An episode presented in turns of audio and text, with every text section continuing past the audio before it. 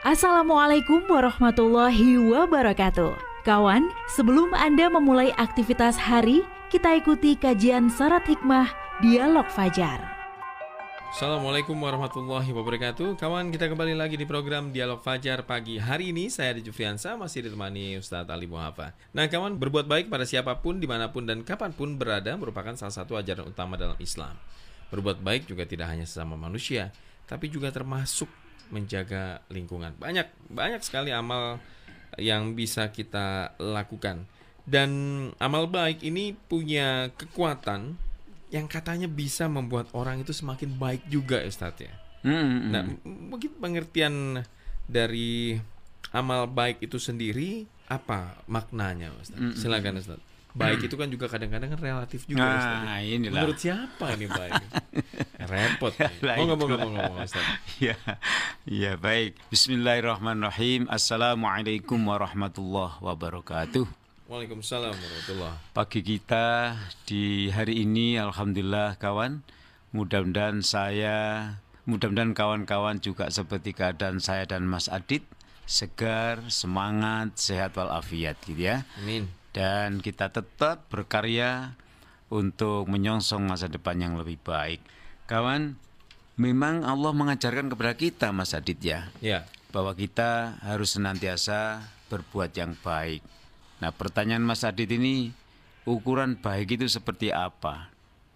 Nah inilah kalau ukuran baik ini masih menjadi satu persoalan maka kita sendiri tidak, tidak pernah menemukan kebaikan itu sendiri. Jadi al-haqqu min rabbika fala takunanna minal mumtarin. Ini salah satu contoh kawan bahwa kebenaran itu ukurannya standarnya adalah dari ajaran Allah Subhanahu wa taala. Kalau sudah kita berbicara standarnya Allah, selesai persoalan. Mm-hmm. Ya. Maka kebaikan yang diukur oleh saya, kebaikan yang diukur oleh Mas Adit itu tidak sama nanti diukur oleh orang lain karena apa standarnya standar si A, standar si B. Maka tidak akan baik ya. Dan kebaikan dan kebenaran itu standarnya adalah dari Allah Subhanahu wa taala. Kalau standarnya sudah seperti itu selesai gitu ya. Hmm. Ada suatu saat itu dua malaikat ini berbeda pendapat tentang mengeksekusi seseorang. Apakah orang yang mati di hadapan malaikat ini akan dimasukkan ke neraka atau dimasukkan ke surga? Itu hmm. selevel malaikat tidak bisa memutuskan. Kenapa ya? Karena standarnya adalah masing-masing. Apalagi kalau kita ini manusia menghukumi seseorang yang dilandasi oleh like and dislike maka kebaikan si A itu kita pandang keburukannya. Hmm. Sebaliknya keburukan si A kita pandang sebagai kebaikan. Ya. Akhirnya di situlah eh, kacaunya dunia ini dan Allah mengumumkan kepada kita bahwa kebaikan itu unsurnya adalah satu tidak melanggar peraturan Allah, dua tidak melanggar peraturan sosial. Peraturan sosial itu pasti pasti pasti adalah ajaran yang bersumber kepada Allah Subhanahu wa taala. Jadi kita ini kalau melanggar aturan Allah salah, tidak baik. Hmm. Demikian pula kalau kita melanggar aturan sosial itu Allah tidak membenarkan juga. Kecuali aturan sosial itu memang justru memang melanggar aturan Allah. Lah lain lagi, standar yang kita ambil adalah aturan sosial yang tidak melanggar peraturan Allah Subhanahu wa taala. Selesai kalau sudah demikian.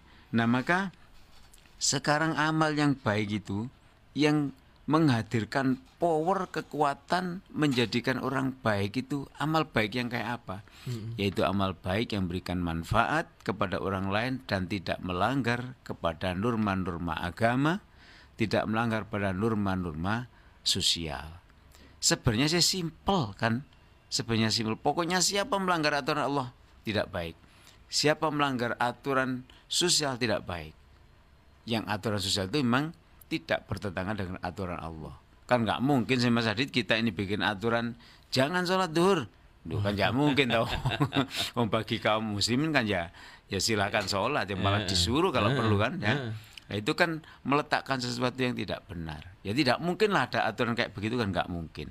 Nah jadi kawan Allah itu menjamin Mas Adit bahwa setiap orang yang berbuat baik itu maka dia memiliki kekuatan untuk selalu berbuat baik. Hmm. Saya ingatkan kepada salah satu contoh apa yang disampaikan oleh baginda Nabi Agung Muhammad Sallallahu Alaihi Wasallam. Beliau mengatakan dalam bahasa yang gampang kita terima adalah barang siapa yang menunjukkan kepada jalan kebaikan maka dia dimudahkan masuk surga. Sekarang orang menunjukkan jalan kebaikan itu tidak imbang hanya menunjukkan saja loh digampangkan masuk surga. Kan nggak imbang. Lah di situlah yang disebut kekuatan. Satu ya ini disebut kekuatan. Maka orang ini akhirnya sering berbuat baik kepada orang lain sering menunjukkan kepada kebaikan-kebaikan. Yang kedua orang yang menunjukkan ke, orang yang berbuat baik seperti menunjukkan kebaikan itu adalah orang yang bersemangat untuk berbuat baik memang ya hmm kalau ada orang baik menunjukkan dan mengajak kepada kebaikan, tidak mungkinlah dia itu nggak semangat untuk berbuat baik. Buat apa dia menunjukkan kebaikan? yeah.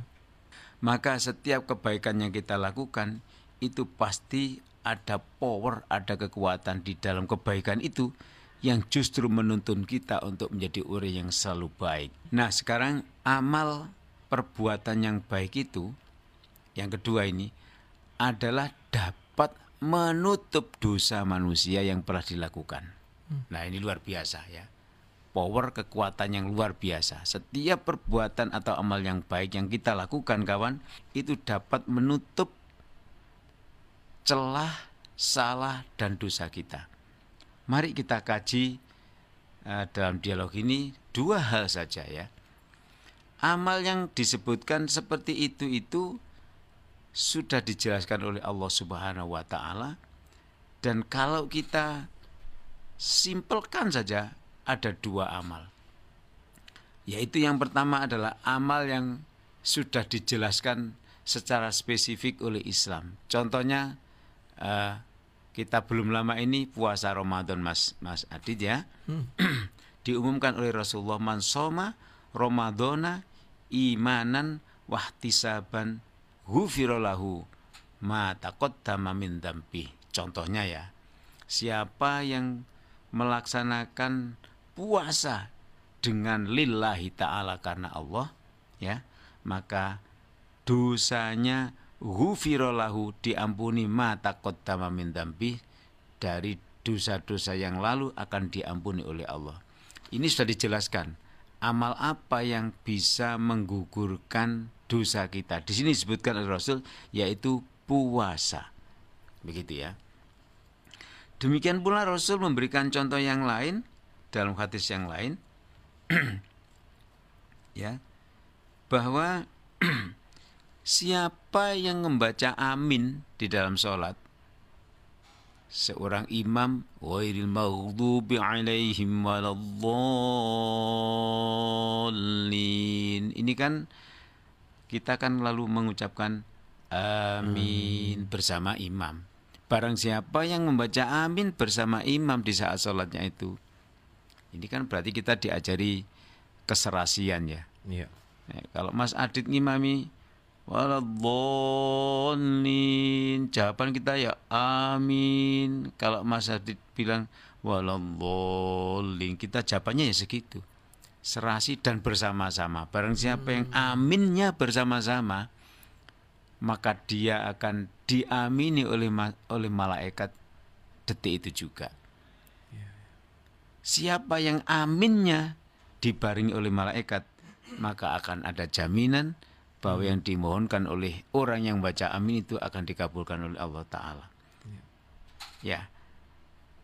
Nah, barang siapa yang membaca amin seperti, seperti itu, ghufirlahu ma taqaddama min dambi, dia diampuni dosanya oleh Allah Subhanahu wa taala. Seperti hadis yang pertama tadi, bahwa hadis yang kedua ini disebutkan oleh Rasulullah apa yang bisa menghapuskan dosa kita adalah perbuatan yang baik. Dalam hal ini dicontohkan oleh Rasulullah yaitu membaca amin secara baik bersama-sama imamnya. Gak tek pecotot gitu loh masa. Tek pecotot itu enggak kita Mas Adit itu. Gak enak. enggak serasi. Satu nadanya ini yang satu tadi. Ya satunya tinggi, satunya tengah-tengah, satunya rendah gitu ya. ya, saya kan pernah memimpin sholat tarwih itu, Mas Adit ya. Dulu kalau pesan guru saya itu yang khusyuk kalau sholat itu. Lah kalau ada orang anak rame atau orang rame bagaimana Ustadz? Yaitu anggap saja kamu sedang dididik Allah untuk menjadi orang yang khusyuk. Jadi akhirnya biarkan mereka rame. Ketika kita sholat ya sudah, tidak usah ngamuk-ngamuk. Kita khusyuk-khusyukkan nanti lah. Akhirnya kita meskipun mereka rame kita tetap jadi orang khusyuk.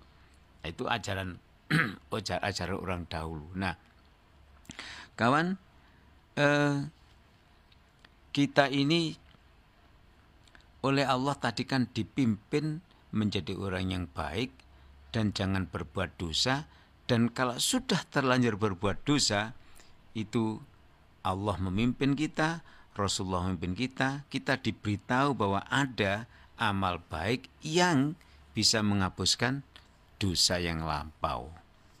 Nah, ada di antara amal yang disebutkan amal apa? Itu jelas penyebutannya yaitu puasa, yang kedua membaca amin tadi, ya ketika bersama-sama sholat dengan imamnya. Jangan sampai Wail maghdubi alim bolin. Imamnya sudah membaca surat, aminnya lu durung mari sih.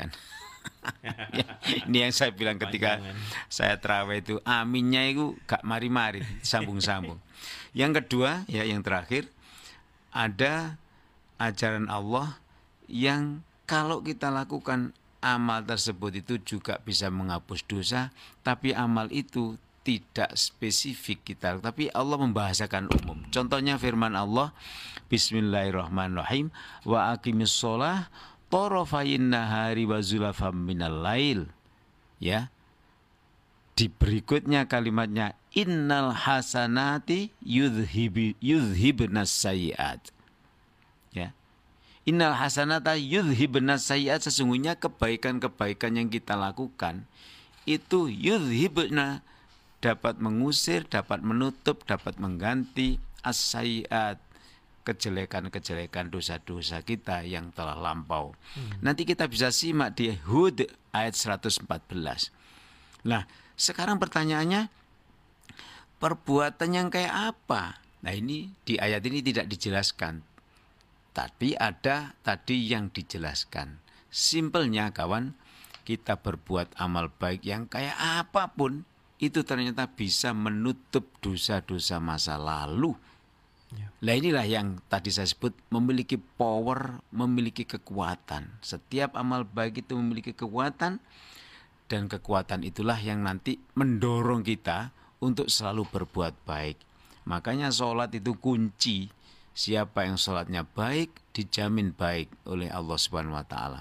Siapa yang sholatnya tidak baik, yo jangan terlalu berharap kita menjadi orang baik. Karena sholat itu dalam rumusnya Allah dapat menghindarkan kita dari ke perbuatan yang fahsya wa mukar, kekejian, kemungkaran. Maka kawan, kita juga diajari Rasulullah SAW agar selalu berdoa, ya, agar dijauhkan dari perbuatan-perbuatan maksiat, perbuatan-perbuatan dosa baik yang bersumber dari mata, dari telinga, dari lisan, dari pikiran, dari kaki, dari tangan dan seterusnya. Dan mudah-mudahan dialog pada pagi hari ini juga mengingatkan kepada kita seperti apa yang diajarkan oleh Islam, wallahu fi aunil abdi maka al abdu fi auni akhihi selama kita ini mau membantu kawan kita, menolong kawan kita, maka selama itu pula Allah akan membantu dan menolong kita. Ini salah satu ajaran Islam yang sangat baik memberikan manfaat kepada orang lain. Lalu menolong yang kayak apa? Kondisional.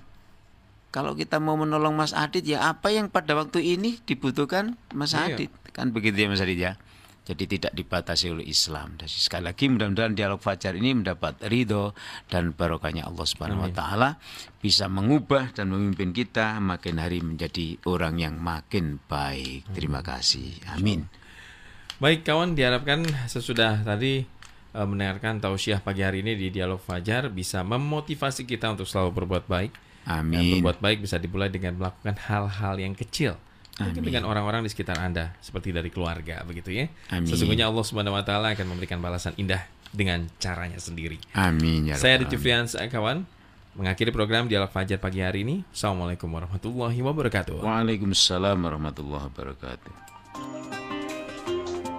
Program Dialog Fajar yang baru Anda simak kerjasama Suara Surabaya dan Pesantren Al-Quran Nurul Falah Surabaya, lembaga dakwah yang amanah, profesional, dan berbasis Al-Quran. Pesantren Nurul Falah mencetak guru-guru Al-Quran dengan metode tilawati dan tafidz Al-Quran. Informasi dan pemberian donasi hubungi 031 828 1278 atau nurulfalah.org. Wassalamualaikum warahmatullahi wabarakatuh.